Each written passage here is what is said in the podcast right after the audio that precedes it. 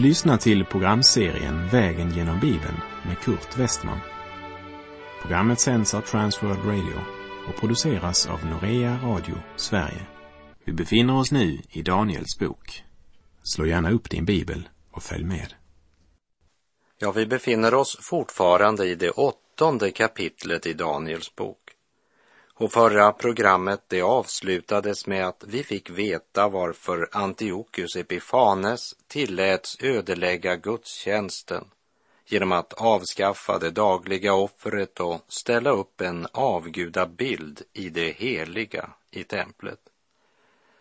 Och tillsammans med det dagliga offret blev också en härskara prisgiven för överträdelsernas skull och hornet slog ner sanningen till jorden och hade framgång i vad det företog sig.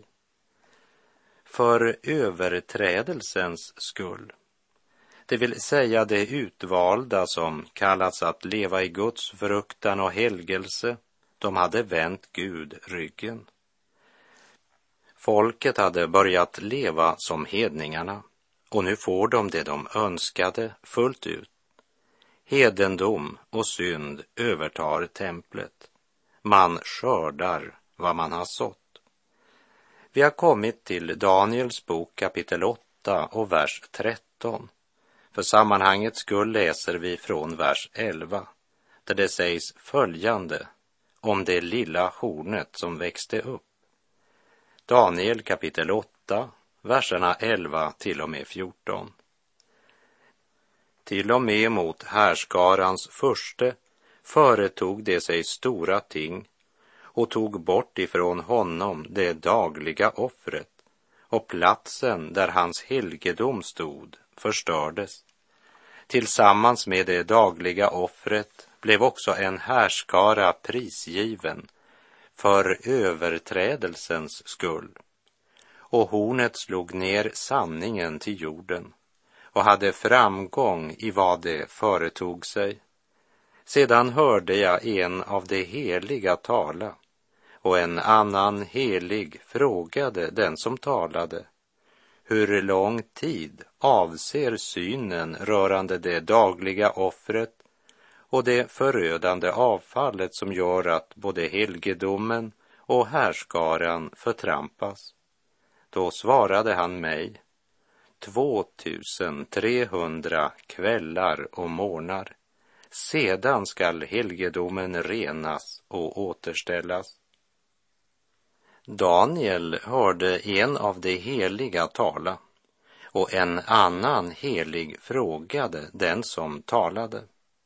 Här handlar det inte om Guds barn på jord utan om det skapade väsen som tjänar Gud och utför hans vilja änglar, keruber eller serafer.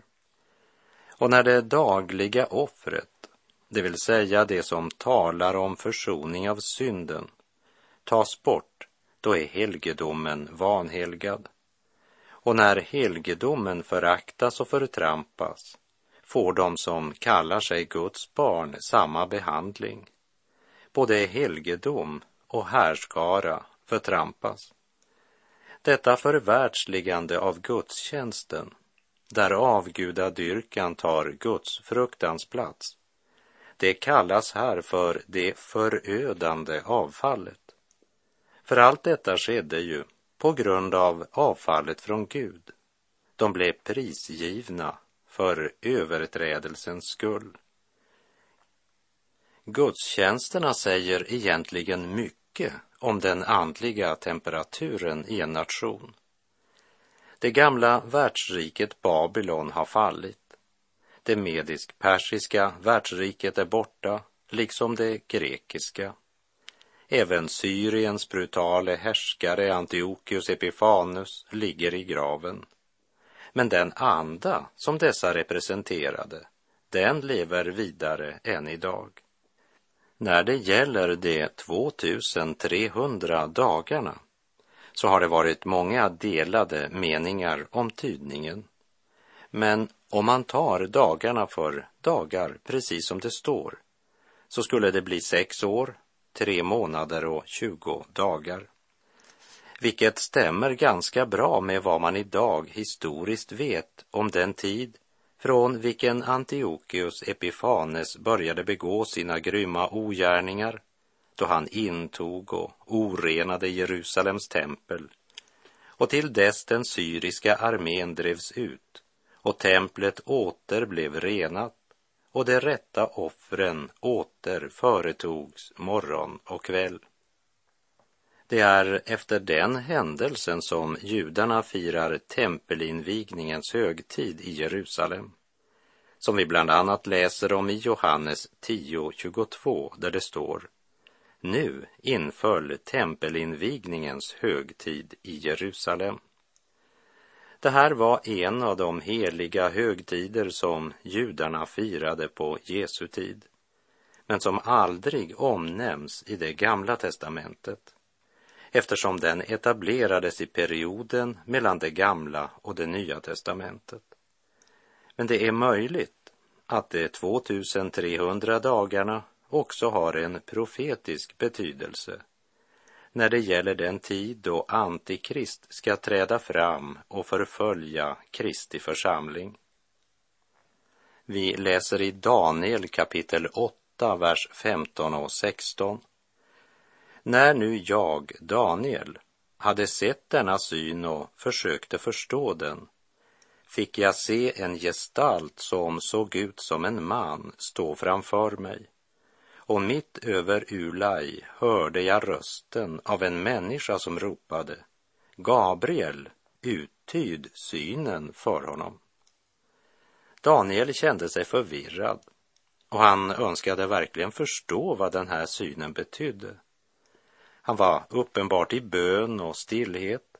Han tog sig tid till stillhet. Då får ängeln Gabriel uppdraget att ge Daniel uttydningen av denna syn. Och detta är första gången Gabriel omtalas i Bibeln. Gabriel är en av de två änglar som namnges i Bibeln och namnet betyder Guds man. Det verkar som om Gabriel är Guds speciella sändebud till människorna. Här är det han som ska ge Daniel uttydningen på den syn han just har sett. Gabriel fick också uppdraget att bebåda döparen Johannes födelse samt Jesu födelse. Gabriel, Guds man.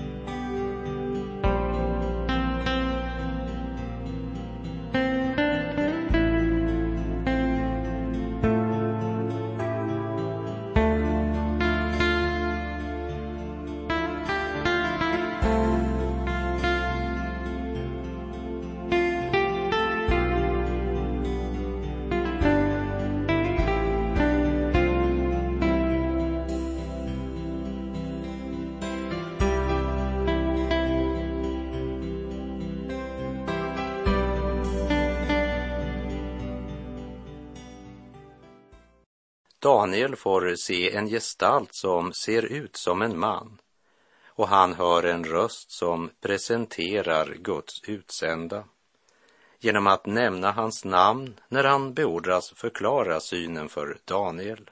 Gabriel uttyd synen för honom. Och vi läser Daniel kapitel 8, vers 17.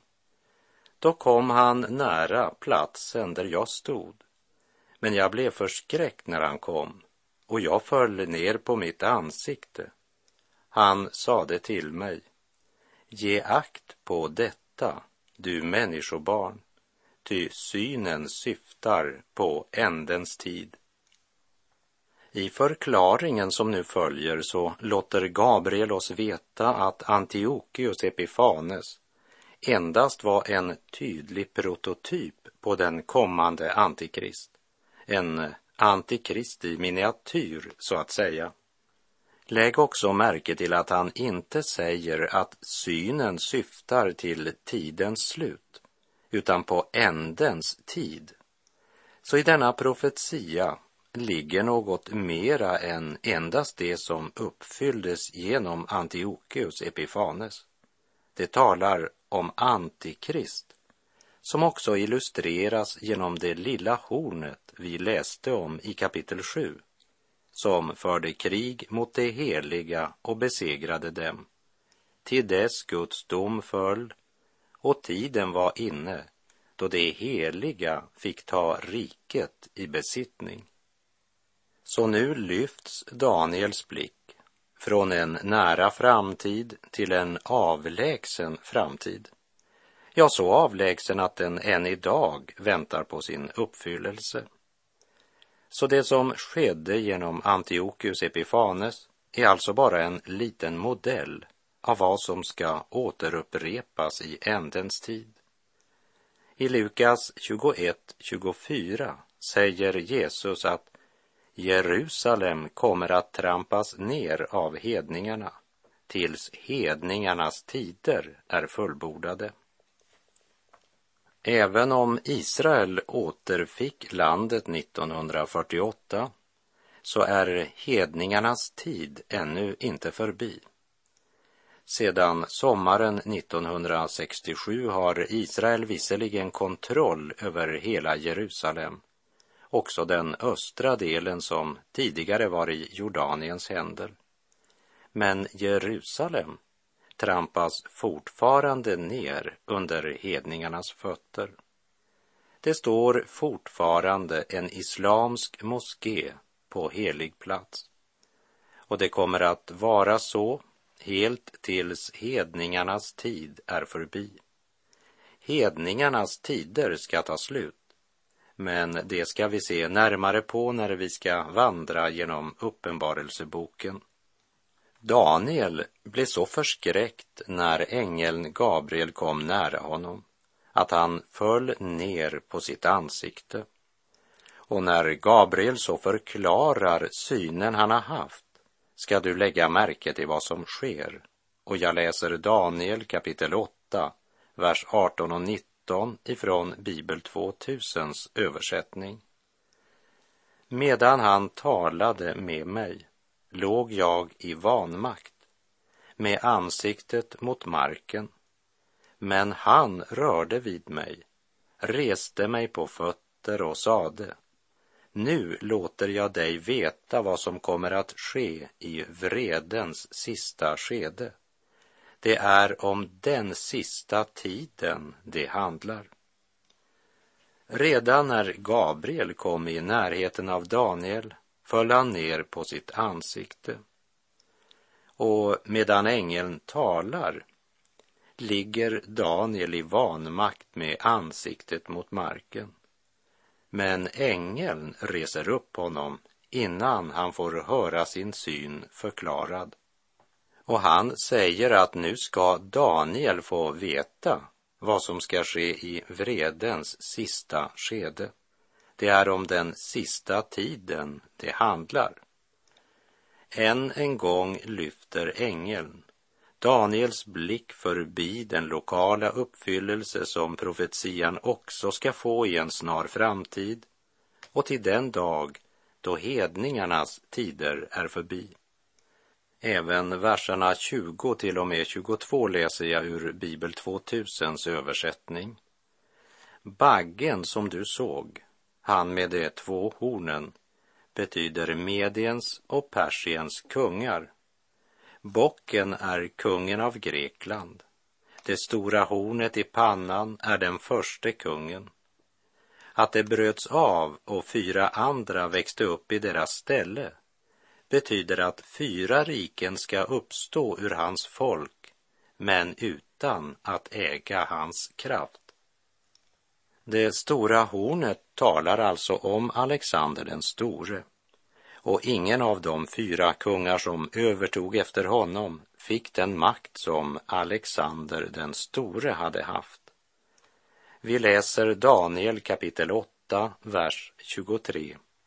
Vid slutet av deras välde, när överträdarna har fyllt sitt mått, skall en fräck och illasinnad kung uppstå. Överträdarna talar här om överträdarna bland Guds folk. När avfallet nått en viss gräns kommer Guds dom att drabba både det folk och den helgedom som vanärar Gud. Och straffet kommer i form av en illasinnad regent, som i det här tillfället var Antiochus Epifanes. Otron och avfallet måste nå en viss höjd innan Gud tillåter sådana saker som det som skedde under Antiochus Epifanes. Men trots allt det fruktansvärda han gjorde så är det ändå bara en stilla susning i förhållande till Antikrist när han träder fram på arenan vid vår tidsålders avslutning. Också denna gång så sker det på grund av överträdelserna i Kristi kyrka. Och man behöver inte ha någon särskild andlig klarsyn för att se vilken hedendom som ofta föregår i det hus som en gång helgats åt Herren. I tidens aftonskymning vad ävlan kamp och strid bland jordens barn i gruset liksom på Noas tid. Man bygger och planterar, till köpenskap man går och sorglös hop ej aktar den dom som förestår. I tidens aftonskymning hörs mången smäda Gud och öppet utan fruktan förtrampa Herrens bud. Och druvorna på jorden till skörden mogna fort, då vredens press skall trampas där utom stadens port. I tidens aftonskymning tung sömnen faller på och många brudetärnor med släkt vita lampor stå. När Människosonen kommer, som han har sagt förut, o månne han ska finna på jorden tro till slut.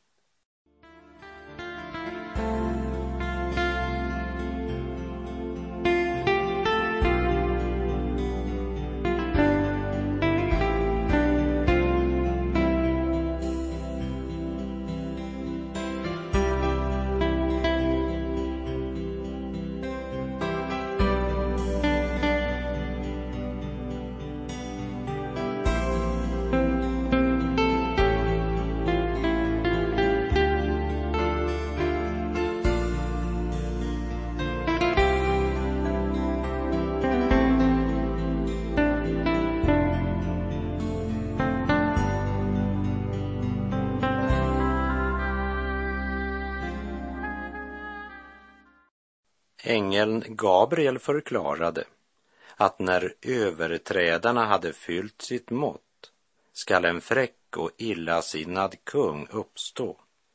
Vi läser Daniel kapitel 8, vers 24. Hans makt blir stor. Han kommer att vålla oerhörd förödelse och ha framgång i allt vad han gör. Han ska sprida fördärv bland de mäktiga och i det heliga folket. Genom list, lögn och förräderi ska han växa i kraft och auktoritet och med hjälp av Satans kraft imponera många. Världen kommer att förundras och beundra hans skicklighet. Men bakom den imponerande fasaden, vad är det egentligen han gör? Jo, han sprider fördärv. Han är fördärvets son. I Andra Thessalonikerbrevets andra kapitel och tredje vers så står det. Ty först måste avfallet komma och laglöshetens människa, fördärvets son, öppet träda fram. Antiochus Epifanes, han dödade de judar som vägrade överge sin tro och vägrade att offra till avgudarna. Och så ska det komma en tid då den som inte vill tillbe vilddjurets bild kommer att dödas. Vi läser i Daniel kapitel 8, vers 25. Genom sin klokhet ska han lyckas väl med sitt svek. Han skall anse sig själv överlägsen och han skall fördärva många mitt i deras trygghet. Ja, han ska sätta sig upp mot förstarnas förste, men han skall krossas utan hjälp av människohand. Antiochus Epifanes, han var trots sin stora grymhet bara en förebild till honom som ska träda fram kort tid innan Kristus kommer igen. Och då skall det som Antiochus företog sig i miniatyr slå ut i sin fulla fruktansvärda uppfyllelse. Och han kommer att göra fyra saker som Antiochus gjorde. För det första, han skall lyckas väl med sitt svek. I Uppenbarelseboken 13, vers 16 och 17 står det. Och det tvingar alla, små och stora, rika och fattiga, fria och slavar, att ta emot ett märke på högra handen eller på pannan, så att ingen kan köpa eller sälja utom den som har märket, vilddjurets namn eller dess namns tal. Och för det andra, han skall anse sig själv överlägsen. Uppenbarelseboken 13.5 säger och åt vilddjuret gavs en mun som talade stora och hädiska ord. Och det fick makt att göra så i 42 månader. Det öppnade sin mun för att häda Gud. Och det tredje, han skall fördärva många mitt i deras trygghet. Och i King James översättning står det, and by peace shall destroy many. Det vill säga genom fred ska han ödelägga många. Han ska träda in på historiens arena i fårakläder men visa sig vara en glupande varg. Och det fjärde, han skall sätta sig upp mot förstarnas förste. Han ska sätta sig upp mot Kristus bekämpa Kristus och förfölja hans lärjungar. Uppenbarelseboken 13, vers 3 säger Ett av dess huvuden såg ut som om det hade blivit slaktat och dödat, men dess dödliga sår hade läkts. Hela jorden förundrade sig över vilddjuret och följde efter det.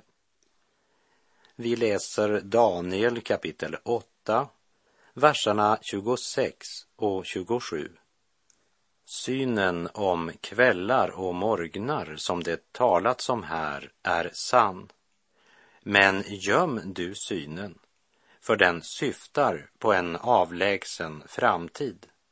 Men jag, Daniel, blev kraftlös och låg sjuk en tid.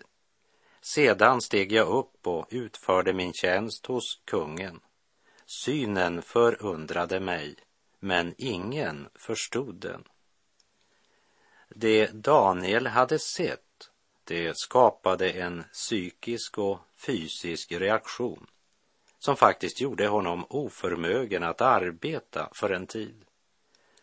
Redan vid den här tiden började Gud uppenbara något om hedningarnas tidsålder. Det var en helt ny tanke för Daniel. Sedan lägger vi märke till att de övriga drömmarna uppenbarade Gud meningen med. Men denna syn gäller en avlägsen framtid och dess budskap är dolt för Daniel och ska uppenbaras många hundra år senare. I Kolosserbrevet 1.26 så talar Paulus om den hemlighet som genom tider och släktled varit dold men nu har uppenbarats för hans heliga. Budskapets tydning var dold för Daniel. Ändå gjorde Guds ord ett sådant intryck på honom att det påverkade ande, kropp och själ. Men hur är det för dig och mig som fått nåden att leva i den tidsålder då Guds helige ande är utgjuten och Kristi återkomst står för dörren? Gör Guds ord ett sådant intryck på oss att det påverkar både våra tankar och vår personlighet? Vad kan vi lära av Daniels bok och dess budskap? Vi kan lära att världshistorien idag är utsatt för precis samma andemakter som hade inflytande på Daniels tid.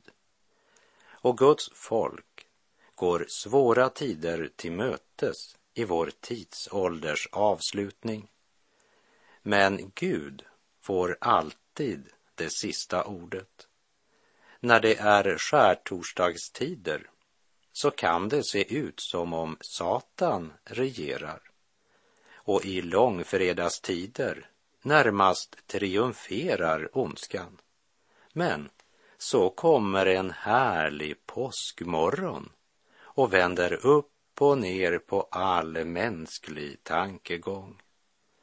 Evangeliet om Jesus Kristus, det strålar som en morgonstjärna över en jord full av gravar och förkunnar uppståndelse, hopp och evigt liv.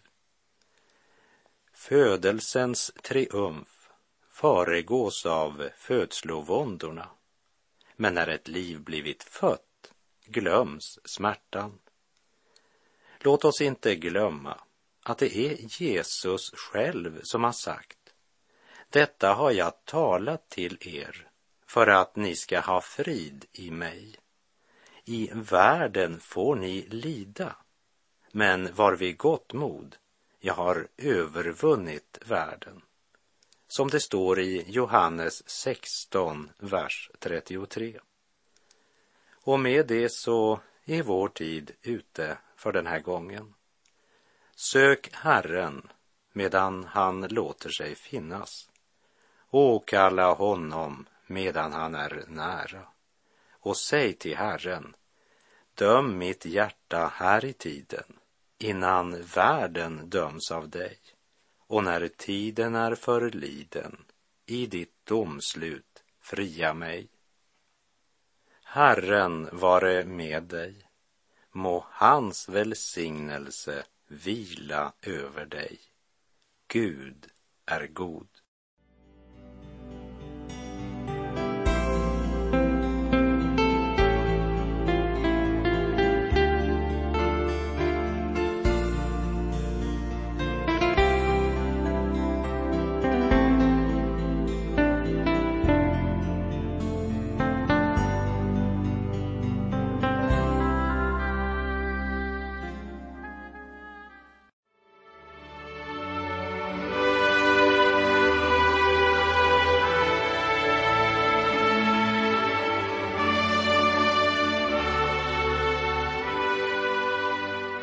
Du har lyssnat till programserien Vägen genom Bibeln med Kurt Westman som sänds av Transworld Radio. Programserien är producerad av Norea Radio Sverige. Om du önskar mer information om vårt radiomissionsarbete så skriv till Norea Radio Sverige, box 3419 103 68 Stockholm. Adressen är alltså Norea Radio Sverige Box 3419. Postnumret 10368 Stockholm.